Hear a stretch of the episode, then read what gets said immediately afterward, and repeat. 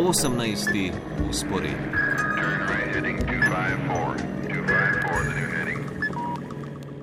Kakšno je politično zračje v Nemčiji nekaj tednov pred volitvami, kakšno je stanje na poplavno najbolj prizadetih območjih in zakaj sta to zelo prepleteni vprašanji. Potem, kakšni so najnovejši nemški pristopi k omejevanju epidemije koronavirusa oziroma nove spodbude k cepljenju, ter kakšno je aktualno politično stališče Nemčije glede vračanja nezakonitih migrantov v Afganistan. O vsem tem z dopisnico Polono Fijavš. Polona, lepo zdrav Berlin. Ja, lepo zdrav vsem iz Berlina.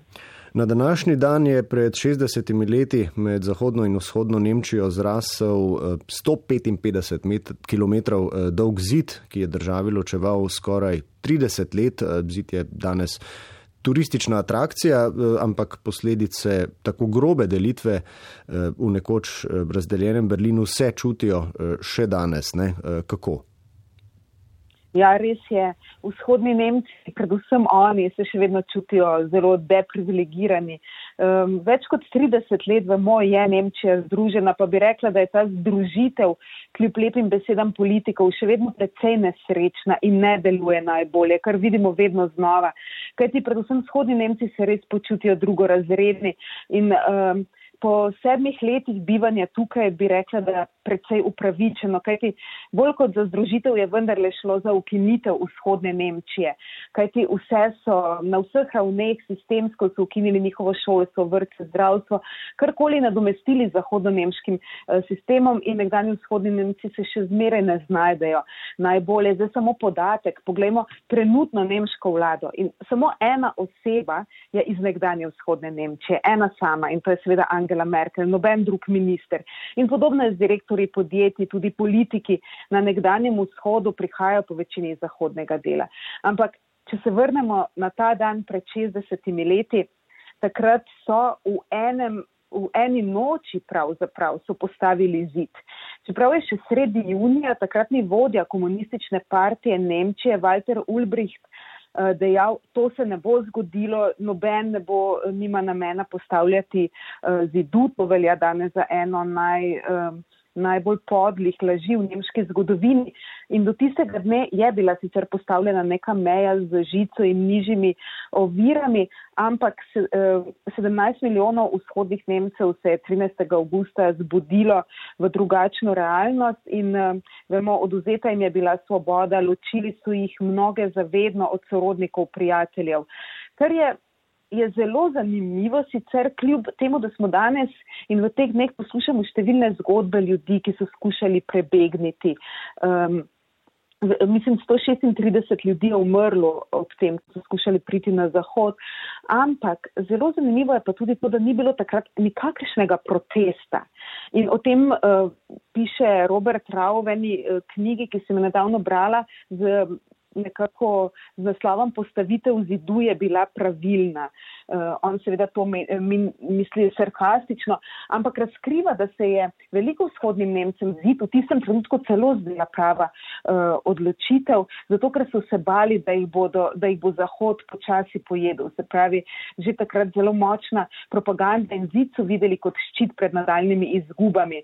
Tako da um, zid v teh letih, ko je stal, tudi nikoli ni bil glavna politična tema, tudi za opozicijo ne. In prvi in edini veliki protest, ki se je zgodil in na katerem so zahtevali, da se ta zid podre, je bil leta 1987.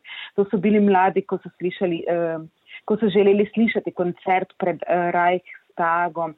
No in čeprav zdaj uh, vemo, um, kako hitro v eni noči, kdo je zid postavil, se še vedno ne ve, oziroma je veliko faktorjev, ki so ta zid leta 1989 porušili, žal pa je zahteval veliko žrtev. Um, In ja, eh, še julija je takrat eh, Erich Honecker 89, torej julija 89 je Erich Honecker izjavil, da bo ta zid stal še vsaj 100 let. In v tistem obdobju, tik preden je zid padel, eh, je poskušala na zahod pobegniti še mnogo ljudi. Zdaj za zadnjo žrtev tega šteje 32-letni Winfried Freudenberg, ki je skušal pobegniti z balonom, oba z ženo. Zadnji trenutek sta se odločila, da bo šel samo on. Napačno je zaračunal, šel previsoko, na to pa strmoglavil na eno vilo v zahodnem Berlinu, bil takoj mrtev, njegova žena pa aretirana. Tako da veliko žalostnih usod in žrtev grenkega režima v DDR in posledic tega betonskega monstruma. Um, o tem se danes govori, se še vedno čuti. In zanimive komentarje brati danes, naprimer časnik Zdojče je izpostavil kot edino dobro stvar uh, zidu, ker je nastala pesem Sex Pistols uh, Holidays in the Sun, kjer poje o Berlinskem hm. zidu. Uh, toliko za zdaj v obeležje zgodovinske obletnice postavitve Berlinskega zidu uh, in njegovega paca, oziroma kot si se izrazila, um, ukinitve vzhodne Nemčije. Uh, med aktualnimi zadevami pa trenutno v Nemčiji ukinitev brezplačnih testiranj. Um, namen je verjetno spodbuditi k cepljenju. Ne? In če je tako, eh, ali je to kot še eden še relativno mehkejših poskusov oblasti, eh, tudi napoved nadaljnih omejevanj pravic necepljenih, glede na to, da ima Nemčija kar visok eh, ne, plemenit cilj doseči 80 odstotno precepljenost, oziroma nasplošno, no, kako se Nemčija pripravlja na pričakovani novi val epidemije v primerjavi recimo s slovenskimi prijemi? Ja, no, eh, ta novi val je Nemčijo že zajel, predvsem zato, ker se je veliko ljudi že vrnilo iz dopusta v petih zvezdnih deželah, se je že začela šola. Ampak največja razlika, ki jo opažam, ker sem bila pred kratkim tudi sama v Sloveniji eh, in spremljam razmere, ampak eh, je, da bodo tukaj brezplačne hitre teste ukinili šele sredi oktobra, torej da se ljudje lahko varno vrnejo z počitnic in se brezplačno testirajo do takrat v čim večjem številu, ker tudi zdaj vidimo, da tam, kjer se ljudje eh, vračajo z počitnic, okužbe strmo naraščajo, da torej s hitrimi testi to širjenje še vedno uh, kar se da hitro zajezijo. In drugo, testiranje tukaj ostaja brezplačno za mlajše od 18. leta nosečnice in uh, pa tiste, ki se iz zdravstvenih razlogov ne morejo cepiti. Kajti v Nemčiji komisija Stiko, to je komisija za cepljenje, še vedno ni priporočila splošnega cepljenja za mladoletne, ampak le za nekatere posebej ogrožene skupine njih in mladim torej. Um, je nekako omogočeno, da se ne bodo, eh, torej tisti, ki se ne bodo cepili, da se bodo še vedno lahko brezplačno testirali za vse dejavnosti, za kamor bodo potrebovali negativni test, torej šport, kino, ostale interesne dejavnosti, tudi kot so glasbene šole, plesni studiji. Um, poleg tega brezplačni testi ostajajo tudi v šolah, tukaj se je začel pouk, kot rečeno, trikrat tedensko se testirajo.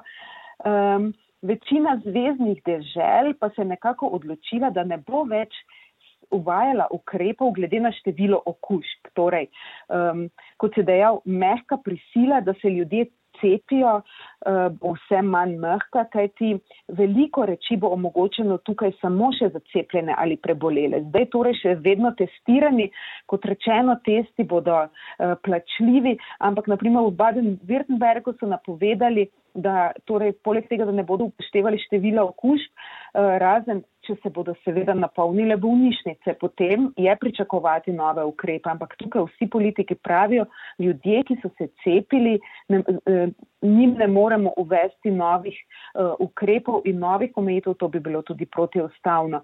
In um, torej, ja, splačevanje na tak način želi Nemčija doseči visoko precepljeno, zdaj so pri okoli 62 odstotkih, kar se drugega odmerka tiče in nekako Merklova je rekla, še 15 odstotkov potrebujemo, ampak za zdaj ne uh, otroci in s tem želijo spodbujati predvsem ostale odrasle, da bi uh, se cepili vsi. Tukaj število okužb med mladimi zelo hitro raste, številke so enormne, ampak eh, ocena Robert Koch inštituta tukaj je, da v poprečju so otroci bolni dva dni. Seveda obstajajo redki s hujšimi in dolgotrajnimi posledicami, a večina eh, otrok torej 48 ur in eh, preboli. Eh, tako da, ja, napoved je, da šol ne bodo eh, zapirali. Um, jaz bi rekla, da je tukaj Eh, tudi bistveno višja precepljenost med učitelji in da se kaže učitelji kot bolj odgovorni do otrok, ki se uh, ne morejo cepiti. Um, se pravi, ja, ampak ta mehek pritisk se stopnjuje. Nekateri so že napovedali, da le za cepljene in prebolele bodo številne dejavnosti omogočene v prihodnosti. Uhum. Uh, politična situacija je par tednov pred volitvami pričakovano razgibana tudi kot ena bolj zanimivih pod tem tu pa se kaže ekologija. Iz dveh razlogov, nedavnih poplav in političnih posledic, kamor kmalo preideva, zelo zanimiv pa je uspon zelenih, politične stranke zelenih. Torej, sama si v nedavni kolumni ugibala, ali gre za duh časa ali splet na ključi, kaj od tega torej? Gre za kombinacijo obojega. Zagotovo je duh časa, duh časa Eh, glede na vse ekološke katastrofe, ki smo jim priča v Nemčiji, poplave, zdaj vidimo celotna Evropa uh, gori, Združeni narodi pravijo, to krizo podnebno je povzročil človek. Um, po drugi strani vse več ljudi protestira, zahteva, da se ščiti gozdove, da se uh, um, da se ukine premogovnike in tako naprej. Tako da ja, to je duh časa, hkrati pa tudi seveda na nek splet na ključi v smislu, da zeleni 40 let nekako gradijo stranko in zadnje leta, odkar sta jo prevzela Annalena Berbok in Robert Habek, so, uh, je njihov cilj, da pristanejo v ur, kancerskem uradu. Ampak ta trenutek uh, in javnomnenjske raziskave um, po tistem prvotnem, uh, prvotnem nekako, kako bi rekla, vrhuncu, ko so, jim, uh, ko so bili celo najmočnejša stranka nekaj časa pred krščanskimi demokrati, kaže velik upad podpore. Tako da, ko da bi se nekako samo čakalo, kdaj bo Annalena Berbok, ki je naredila nekaj napak in ki je prva kandidatka v zgodovini stranke zelenih za kancerski položaj, naredila naslednjo napako. In um, zdi se, da so zeleni nekako tudi sami ugotovili, da je bil ta cilj morda kljub vsemu previsok. Druge stranke podnebne spremembe uh, postavljajo na vrh svojega predvoljivnega programa, torej nimajo več um, niso več ekskluzivni, samo zeleni pri tej temi in to se zelo pozna. Skratka, padec, upore, uh, padec podpore pri zelenih je opaziti v zadnjih dneh. Današnje raziskave kažejo, da celo na 19 odstotkov, ampak to je še vedno ogromna podpora v primerjavi s štirimi leti nazaj, ko je stranka zelenih stopila v parlament kot najmanjša stranka z okoli 9 odstotno podporo. Uh -huh. uh, uvodoma sem omenjal, uh, oziroma že predodajal tudi padec podpore kanclerskemu kandidatu najmočnejše stranke v Nemčiji, Arminu Lašetu. Uh, a lahko to pomeni težave pri sestavljanju vlade ali celo manjšo podporo uh, stranki CDU na volitvah in seveda, kakšni so razlogi pravzaprav uh, konkretno za drsenje uh, Lašeta po lestvicah priljubljenosti? Absu, jaz absolutno mislim, da bo sestavljanje koalicije izjemno težaven in izjemno dolgo, dolgotrajen proces in nihče ne ve, kako se bo izšel. In kakršen koli že bo izid, ta koalicija ne bo trdna, zato ker bodo morali sklepati kompromise, ki jih nemške stranke med sabo doslej niso bile vajene uh, sklepati. In današnje javno neske raziskave namreč so pokazale, da podpora socialdemokratom in njihovemu kandidatu, torej finančnemu ministru Olafu Šolcu, rase v čas, so že izenačeni zelenimi. Um, torej oboji so na 19 odstotkih, kar pomeni, da zeleni, ki so se prej videli kot najmočnejša stranka, se zdaj borijo za drugo mesto. Um, podpora CDU in njihovemu kandidatu Armenu Lašetu pa je znova opadla in to ogromno, njemu predvsem za 6 odstotkov, CDU za 2 odstotka, le še 26 odstotkov imajo in to kaže, da ta trenutek ni možna koalicija le iz dveh strank, kar tako zelo zakomplicira zadeve. Kajti CDU in zeleni eh, so nekako računali, kot da bi bilo samo po sebi umevno, da bodo oni sestavili naslednjo eh, vlado. Zelo, zelo zanimive volitve bodo v Nemčiji 26. septembra ko po 16 letih odhaja Angela Merkel in zelo veliko negotovosti za prihodnje, tudi v Nemčiji in tudi v, kar se tiče evropske politike. Tako da bo zanimivo spremljati to v naslednjih mesecih. Uh mhm, -huh, močno vlogo, kot smo rekla, tu igrajo nedavne poplave. Uh, kakšno je torej trenutno stanje uh, na tistih območjih, ki so jih najbolj prizadele in kakšni so rezultati preiskav toživstva proti vodjem določenih okrožij prizadetih zvezdnih dežel, uh, pa seveda, kako komentiraš razplet? Torej dogovor nemške vlade in zvezdnih držav o 30 milijardnem skladu za pomoč. Eh, pri tako glomaznih številkah eh, si je vedno težko predstavljati, kaj dejansko pomenijo. Ne. Tu zdaj ne mislim na politične implikacije, ne, pace podpore in rast podpore in tako dalje, temveč za sanacijo kot tako. Seveda 30 milijard je ogromno denarja in ne, ne moremo si predstavljati še za eno milijardo, si je težko predstavljati, kako velik znesek je to. Tako da 30 milijard je ogromno denarja in verjamem, da ima nekako politično zaledje in politične implikacije, glede na to, da je Armin Lašet, eh, premijer Zvezne države Severno Porenje Vestfalija, ki je bila ena od dveh, ki so jih te poplave zelo močno eh, prizadele. Ampak eh, vprašal si, kakšne so razmere tam. Jaz sem bila tam pred desetimi dnevi. Razmere so katastrofalne. Ljudje še vedno živijo v šotorih, še vedno je rdeči križ in prostovoljci so tisti, ki jim kuhajo kosila, ki jim delijo stvari. Um, ne vem, bila sem, uh, bila sem uh, pri Rdečem križu, ko so delili hrano. Ljudje prihajajo, ker se ne morejo kuhati, ker nimajo vode, torej po vode, po kuhalnike. In to vse nekako urejo. Uh, Urejo prostovoljci, infrastruktura je povsem uničena, predvsem v dolini reke Ar, plinovodi, ceste, kraji so še vedno odrezani od sveta.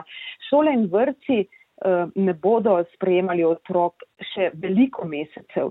In ljudje se zdaj kljub tem ogromnim zneskom bojijo, da bo ta denar šel samo v obnovo infrastrukture. Sami pa zato, da svoje življenje postavijo na noge, ne bodo dobili, eh, ne bodo dobili veliko. Govorila sem z enim človekom, da nimo lasnikom izdelovalnice čokolad, imel je zavarovanje za visoko vodo, ne pa za poplave. On je izgubil 250 do 300 tisoč. Um, evrov samo v tem, uh, kar je imel zalog uh, in ne pričakuje veliko denarja. Torej, te vse škode ne bodo mogli dobiti povrnjene. Potem je pomankanje delavcev, tudi karkoli želijo obnoviti, tega ne morejo, zato ker ni dovolj delovne sile, ki bi to počela. Uh, ljudje so brez stanovanskih hiš, ne bo gretja, torej, ker je, kot rečeno, uničen plinovod. Um, konec avgusta uh, torej šola, korona ukrepi. Skratka, kljub tej enormni in ogromni pomoči, jaz mislim, da veliko eh, ljudi konkretno ta pomoč si ne predstavljam, kako jih bo dosegla. Tukaj bo potrebno še velike, veliko birokracije. Kar se pa tiče preiskave in obtožnice, zdaj so nekako spostavili po izjavah prič, po izjavah um, ljudi z kraja dogodka in policije in gasilcev uh, časovnico tega, kaj se je tisti. Uh, tisti popovdan 14. julija dogajalo. Jasno je, da je prišlo opozorilo iz Manjca, da bo voda narasla za vsaj 7 metrov in da je bilo to sporočilo nekako preslišano. Eh, tam so mi ljudje govorili, da ja, gasilci so pomagali samo svojim.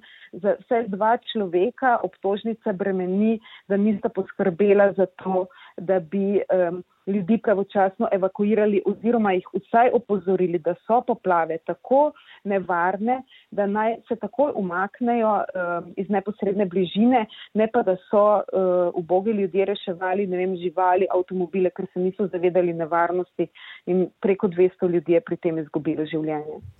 Eh, pojdiva v zadnjem delu pogovora še na mednarodno politično sceno. Eh, Nemčija je eden najpomembnejših deležnikov pri oblikovanju politike Evropske unije in zaveznikov eh, glede razmer v Afganistanu. Konkretno, kakšno je zdaj nemško stališče glede vračanja nezakonitih migrantov nazaj tja, torej v Afganistan?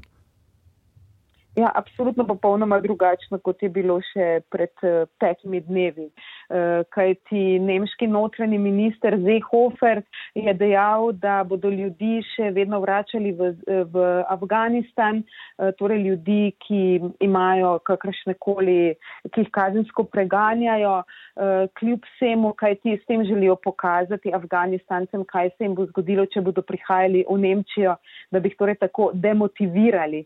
Predvsej izkrivljena logika, še posebej ob dejstvu, da vemo, da Afganistan ta trenutek iz strahu pred talibani in kalifatom dnevno zapušča preko 30 tisoč ljudi um, in uh, da 100 tisoč ljudi pa beži v tuja mesta. Nemci so potem um, izjavah politikov in to, kar pišejo mediji, zelo razočarani nad razmerami uh, tam. Ta nenadni umih jih je povsem presenetil, um, kajti vemo, 20 let je bila tam zvezdna vojska in um, na začetku poletja je nemški minister za zunanje zadeve Hajko Mas dejal, da odhajajo sicer od tam, ampak da pričakujejo blag režim talibanov, da so razmere pod nadzorom in da so pripravili to živahno civilno družbo, um, da so pripravljeni prevzeti sami odgovornost in da so človekove pravice danes del ustave.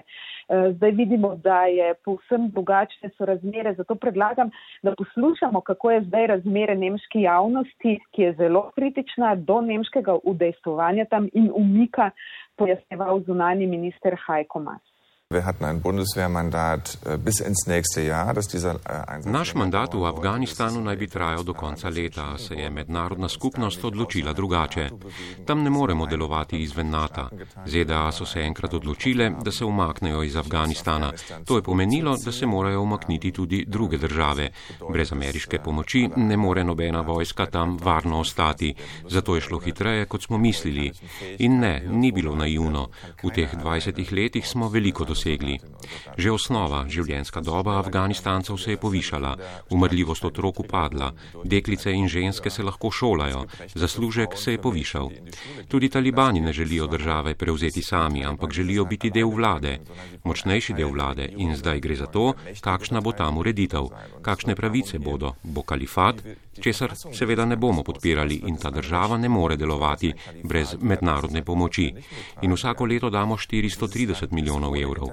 Ne bomo dali niti centa Afganistanu, če bodo talibani prevzeli državo, uvedli šerijatsko pravo in vzpostavili kalifat. In talibani to vedo.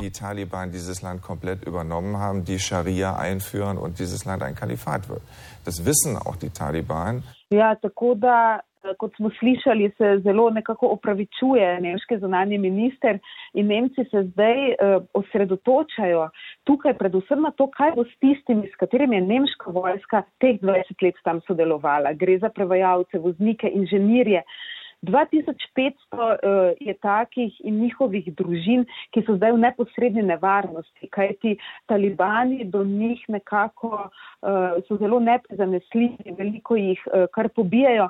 1500 od teh ljudi je zdaj um, trenutno že v Nemčiji in brala sem um, pogovor z enim od njih v časniku Zid Deutsche, ki je razlagal, on je bil prevajalec za nemško vojsko, Afganistanec, zdaj v Minhnu, da je sicer dobil zdaj vizo zase, za ženo in za otroke, ampak da so v Afganistanu ostale brat, sestre in bratje, za katere bi on moral skrbeti, ki so zdaj v nevarnosti, ker je on delal za nemško vojsko in bežijo pred talibani iz mesta v mesto in da mu je zdaj tako zelo žal, da je sodeloval z nemško vojsko ker če pridejo njihovi sorodniki v roke talibanom, bodo usmrčeni. In ja, Nemci so izdali 1500 viz, ampak večine teh ljudi niso pripeljali s sabo, šele zdaj urejajo, kako bodo prišli v Nemčijo, zapleta se, skratka, um, talibani se vemo približujejo Kabulu, um, skratka, v tem predvolivnem obdobju je stranka zelenih, da nima zelo kritična do postopanja nemške vlade, ker da niso poskrbeli za ljudi, ki so eh, jim 20 let pomagali in s katerimi so 20 let eh, sodelovali, kar pomeni, da, so, da bodo neposredno odgovorni za njihovo smrt, če do tega pride. Grozno. In razmere v Afganistanu bomo prav gotovo še spremljali tudi uh, v informativnih oddajah, pa tudi v 18 usporednikih prihodnosti. Uh, za tokrat pa, Polona Fjavš, uh, hvala za oglašanje iz in lepo zdrav v Berlin. Hvala, lepo zdrav.